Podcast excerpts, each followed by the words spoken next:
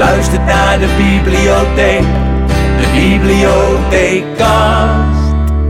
In de nieuwe podcast van de Bibliotheek Zuid-Kennemerland ga ik in aflevering 1 voor jou op zoek naar tips over voorlezen. Tip 1. Voorlezen is voor jong en oud. In aflevering 2 krijg je adviezen voor meer leesplezier voor kinderen van 9 tot en met 12 jaar.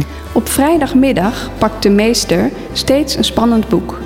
En wij luisteren aandachtig, maar we kijken naar zijn broek. Wat denk jij dat de titel van het gedicht is?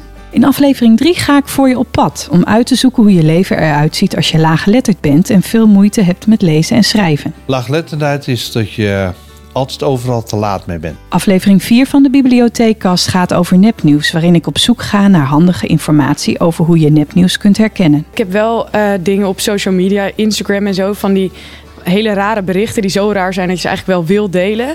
Maar dan twijfel ik achteraf wel van, zou het eigenlijk wel echt zijn geweest? En in aflevering 5 krijg je tips over hoe je kinderen mediawijs kunt opvoeden.